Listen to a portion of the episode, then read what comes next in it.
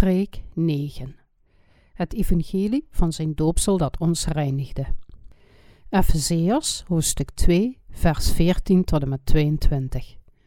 Want hij is onze vrede, die deze beiden eengemaakt heeft, en den middelmuur des afscheidsels gebroken hebbende, heeft hij de vijandschap in zijn vlees teniet gemaakt, namelijk de wet der geboden in inzettingen bestaande, opdat hij die twee in zichzelf tot een nieuwe mens zou scheppen, vrede makende, en opdat hij die beiden met God in één lichaam zou verzoenen, door het kruis, de vijandschap aan hetzelfde gedood hebbende. En komende heeft hij door het evangelie vrede verkondigd u, die verre waart, en dien, die nabij waren. Want door hem hebben wij beiden den toegang door in geest tot den Vader. Zo zijt gij dan niet meer vreemdelingen en bewoners, maar medeburgers der heiligen en huisgenoten Gods, gebouwd op het fundament der apostelen en profeten, waarvan Jezus Christus is de uiterste hoeksteen, op welken het gehele gebouw bekwamelijk samengevoegd zijnde, opwast tot een heilige tempel in de Heere, op welken ook gij mede gebouwd wordt tot in woonstede Gods in den geest. Waardoor is de mens van God vervreemd? Door zijn zonden. Het door armoede afgestane kind. Het is een halve eeuw geleden sinds de Koreaanse oorlog is afgelopen, maar het liet enorme wonden achter bij het Koreaanse volk. In de nasleep van de Koreaanse oorlog werden veel jonge Koreaanse kinderen geadopteerd in het buitenland ook al kwamen de hulptroepen van de Verenigde Naties naar Korea en hielpen ze ons enorm in die tijd, maar veel kinderen hadden geen vader meer nadat de soldaten waren vertrokken. Veel van de VN-soldaten, die vrouwen en kinderen hier hadden, lieten hun families achter toen zij naar huis terugkeerden. Veel van deze kinderen werden toen door hun moeders naar weeshuizen verbannen en daarna in het buitenland voor adoptie opgegeven. Eigenlijk was het een groot geluk dat deze jonge mensen pleegouders konden vinden en een goede opvoeding konden krijgen. Deze geadopteerde kinderen realiseerden zich, naarmate zij ouder werden, dat zij er heel anders uitzagen dan hun ouders en hun boeren, en ze kregen te horen dat zij geadopteerd waren van een land ver weg dat Korea heet. Waarom hebben mijn ouders mij in de steek gelaten? Stuurden ze me naar dit land omdat ze me haten? Met hun jonge verstand konden deze kinderen gewoon niet begrijpen wat er gebeurd was. Hun nieuwsgierigheid en haat ten opzichte van hun echte ouders groeide samen met een verlangen om hen te ontmoeten. Ik vraag me af hoe mijn ouders eruit zien. Hoe konden ze me in de steek laten? Deden ze dat omdat ze me haten? Nee, er was waarschijnlijk een reden voor. Er heersten waarschijnlijk veel misverstanden en ze voelden zich soms extreem gehaat. Aan andere keren besloten ze er niet meer over na te denken. Voordat ze het beseften, verging de tijd en de kinderen werden volwassen. Ze trouwden, kregen kinderen en vormden hun eigen families. Ik raakte geïnteresseerd in deze kinderen door een programma op een van de lokale televisiezenders. In dit programma interviewde een tv-verslaggever een vrouw die geadopteerd was en die nu in Duitsland woont. Deze vrouw was op dat moment ergens in de twintig en ze studeerde theologie. Eerst deed de vrouw enorm haar best om de verslaggevers te vermijden, omdat ze niet wilde dat iemand merkte dat ze geadopteerd was. De verslaggever overtuigde haar ervan dat haar medewerking aan een interview zou helpen om de vloedgolf van adopties naar het buitenland te stoppen. En de vrouw stemde toe. Een van de vragen van de verslaggever was: Wat zou je zeggen als je je echte ouders zou ontmoeten? Waarnaar ben je het meest benieuwd? De vrouw antwoordde: Ik kan het gewoon niet begrijpen waarom ze me de adoptie opgaven. Ik wilde hun vragen of ze me haten. Haar natuurlijke moeder zag het interview van de vrouw op televisie, nam contact op met de televisiezender en zei dat ze haar dochter wilde ontmoeten. Zo ontmoetten de twee elkaar. De moeder ging al vroeg naar het vliegveld en wachtte op de komst van haar dochter. Toen de jonge vrouw door de uitgang kwam, kon haar moeder niets anders dan te staan en te huilen. Deze twee mensen hadden elkaar nooit tevoren ontmoet De eerste keer dat de moeder haar volwassen dochter zag, was toen ze op de televisie verscheen. Ook al spraken ze verschillende talen. Ze konden met elkaar praten via hun hart en door de emoties die ze uitwisselden. Ze raakte hun gezicht aan, terwijl de moeder om vergeving smeekte voor wat ze had gedaan. Ze kon alleen maar huilen en herhalen dat ze er enorme spijt van had. De moeder nam haar dochter mee naar huis en ze aten samen. Natuurlijk sprak de dochter alleen maar Duits en de moeder alleen Koreaans, zodat zij niet verbaal konden communiceren. Maar op de een of andere manier stond het feit dat ze moeder en dochter waren hun toe om elkaar te begrijpen. Ze hadden veel woordeloze conversaties en uitten zich door gebaren, elkanders gezicht aan te raken en met hun ogen en hart te spreken. Tegen de tijd dat ze naar Duitsland terugkeerde, wist de dochter dat haar biologische moeder van haar hield. Dezelfde verslaggevers die het vorige interview hadden afgenomen, spraken weer met haar voordat ze naar Duitsland vertrok. Het is niet nodig dat ik vraag waarom mijn moeder me heeft afgestaan voor adoptie. Mijn moeder is zelfs nu nog arm. De rijke mensen in dit land zijn zo rijk dat ze buitenlandse auto's rijden. Maar mijn moeder leeft nog steeds in armoede.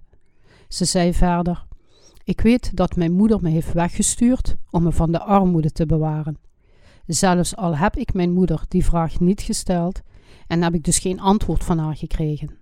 Daarom vond ik het niet nodig om haar die vraag te stellen. En dat is waarom alle twijfel en haat nu weg zijn. Mensen raken vervreemd van God door de zonden in hun hart. Waarom worden we van God gescheiden? En waarom kunnen we niet dichter bij Hem komen? De vrouw die ter adoptie werd vrijgegeven, ontdekte dat haar biologische moeder haar had weggestuurd om haar van de armoede te redden. Geldt hetzelfde voor God? God schiep ons naar zijn eigen beeld. Wat kon ons van Hem hebben gescheiden? Het antwoord is dat Satan de mens ertoe verleidde om te zondigen en de zonde scheidt de mens van God. Oorspronkelijk schiep God de mens naar zijn eigen beeld en hij hield zielsveel van zijn schepping. De mens werd gemaakt als een object voor Gods liefde en hij was nobeler dan ieder ander schepsel. Een gevallen engel, die Satan heet, probeerde de mens echter van God te laten vervreemden. Satan verleidde de mens ertoe Gods woorden niet te geloven en hij liet de mens van de vrucht van de boom der kennis van goed en kwaad eten. De mens werd dus van God gescheiden door de zijn zonde. De mens was ongehoorzaam aan God. De mens at niet van de vrucht van de boom des levens, die eeuwig leven geeft en wat God toestond, maar at in plaats daarvan van de verboden vrucht, die hem kennis van goed en kwaad gaf. Hierdoor werd de mens van God gescheiden. Het voormalige object van Gods liefde, de mens, was ongehoorzaam en werd van hem gescheiden door arrogantie. Door de zonde die in zijn hart kwam wonen, is de mens uiteindelijk van God vervreemd. Daarna leefde de mens lange tijd gescheiden van God en klaagde: Waarom verliet God ons nadat Hij ons schiep? Waarom liet Hij ons zondigen? Waarom stuurt Hij ons naar de hel nadat Hij ons zwak gemaakt heeft? Het zou beter geweest zijn als Hij ons helemaal niet gemaakt had. We leefden met veel vragen en nieuwsgierigheid, twijfels en haat voordat we wedergeboren werden. Toen ik de geadopteerde vrouw op de televisie zag, besefte ik dat de relatie tussen mens en God hetzelfde is als de relatie die zij had met haar biologische moeder. Geen tegenspoed, misverstand, vloek of zonde kan de mens van God onder welke omstandigheden ook scheiden. Ik kon ook begrijpen dat het nog steeds mogelijk was dat er misverstanden waren, ook al is de relatie tussen God en de mens op liefde gebaseerd. Net zoals de moeder haar dochter niet had weggestuurd uit haat, zo scheidde God zich niet van de mens uit haat, maar vanwege de zonde. Er is geen reden voor God om de mens te haten, en er is geen reden voor de mens om God te haten. We houden van elkaar. De reden dat de mens van God gescheiden blijft, is dat hij een zondaard werd nadat hij zich aan Satans bedrog had overgegeven. God heeft ons door Jezus omhelst.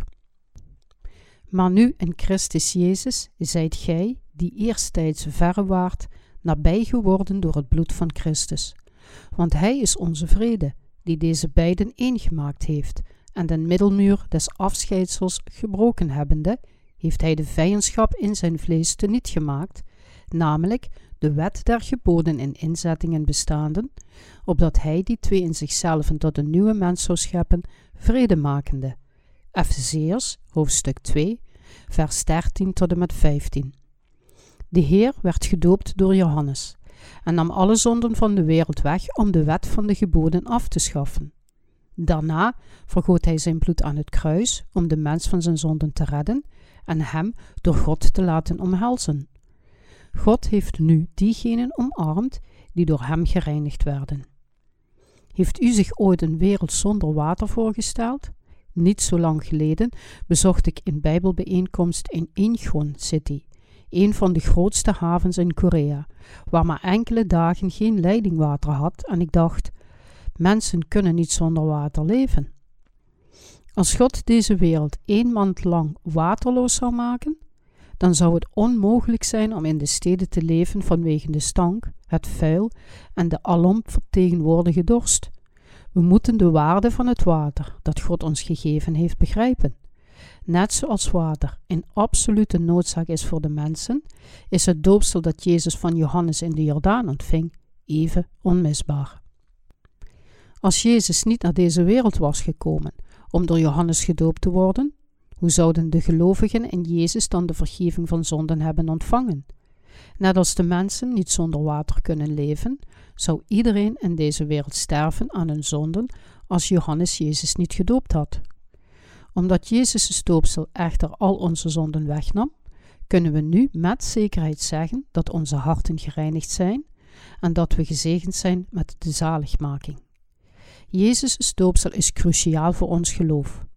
Bovendien is zijn doopsel absoluut noodzakelijk om de inwoning van de Heilige Geest te ontvangen.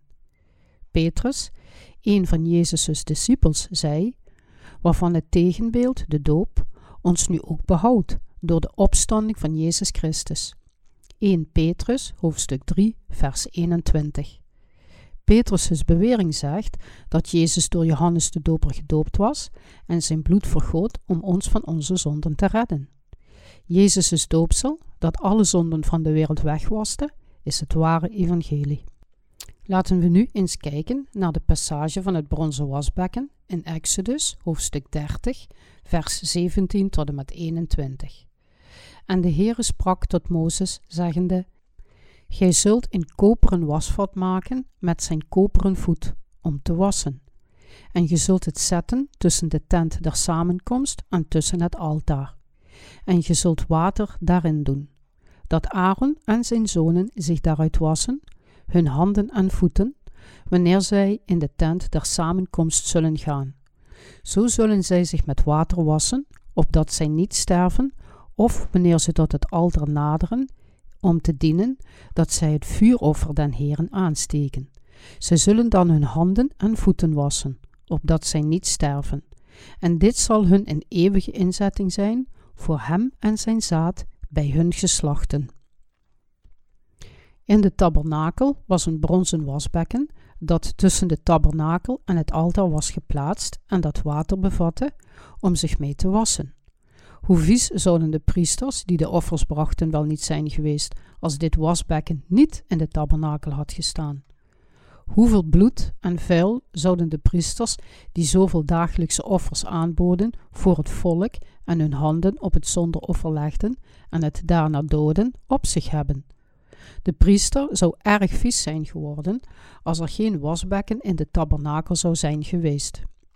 Daarom bereidde God het wasbekken voor, opdat zij dichter tot hem konden komen met schone handen. Zondaars gaven hun zonden door het opleggen van handen aan het zondeoffer door, en daarna offerden de priesters voor hun deze offers aan God. God bereidde het bronzen wasbekken, zodat de priesters het heiligdom konden binnengaan en zodat zij zich met het water konden wassen, opdat ze niet zouden sterven. Zelfs een priester kon niet het heiligdom binnen, terwijl hij bevlekt was met het bloed van een dier. Daarom moesten de priesters al het vuil met het water van het wasbekken afwassen, om dichter bij God te komen nadat ze offers hadden aangeboden voor de mensen. Jezus' doopsel waste alle zonden van de wereld weg. Door Jezus' doopsel van Johannes in de Jordaan zijn alle zonden van de wereld aan hem doorgegeven. En zijn totale onderdompeling in het water symboliseerde zijn dood, en toen hij weer uit het water omhoog kwam, dat betekent zijn herrijzenis. Met andere woorden, Jezus werd door Johannes gedoopt om alle zonden van de wereld weg te nemen, het loon van de zonden te betalen en aan het kruis te sterven. Zijn dood was om de prijs voor onze zonden te betalen, en zijn herrijzenis gaf ons het eeuwige leven. Onze harten zouden vol zonden zijn als we niet zouden geloven dat Jezus al onze zonden door zijn zoopsel wegnam. Hoe zouden we in dat geval dichter tot God kunnen komen? Het evangelie van de vergeving van zonden is niet een leerstelling van een denominatie, maar de waarheid van God. We kunnen ons geloof niet leiden zonder perfecte kennis. Dan zouden we de wereld niet overwinnen als het ons echt niet kan schelen of Jezus door Johannes gedoopt werd. Net zoals alle levende dingen water nodig hebben om in leven te blijven, zo hebben wij de vergeving van de zonden en het water van Jezus' doopsel nodig om volgens het geloof te leven en het koninkrijk van de hemel binnen te gaan. Jezus moest gedoopt worden, aan het kruis sterven en herrijzen, om ons van onze zonden te redden. Dit is het evangelie van het water en de geest, waar we met ons hele hart in moeten geloven. Ook al werd Jezus gekruisigd, hij had niets gedaan om een dergelijke straf te verdienen. Hij kwam naar deze wereld om onze zonden weg te wassen, werd gedoopt toen hij 30 jaar was en werd onze verlosser door zijn dood aan het kruis met 33 jaar. God wilde de mensheid zijn kinderen maken, hoe zwak en zondig we ook waren. Daarom werd Jezus gedoopt. God gaf ons tegelijkertijd de vergeving van zonden en het geschenk van de Heilige Geest. Zo iemand niet geboren wordt uit water en geest, hij kan in het koninkrijk Gods niet ingaan.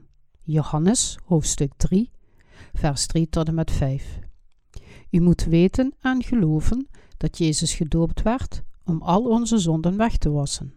Zelfs als iemand een wedergeboren christen is, zal zijn hart gauw vervuild raken als hij niet over de waarheid dat Jezus Christus alle zonden van de wereld door zijn doopsel wegnam, nadenkt.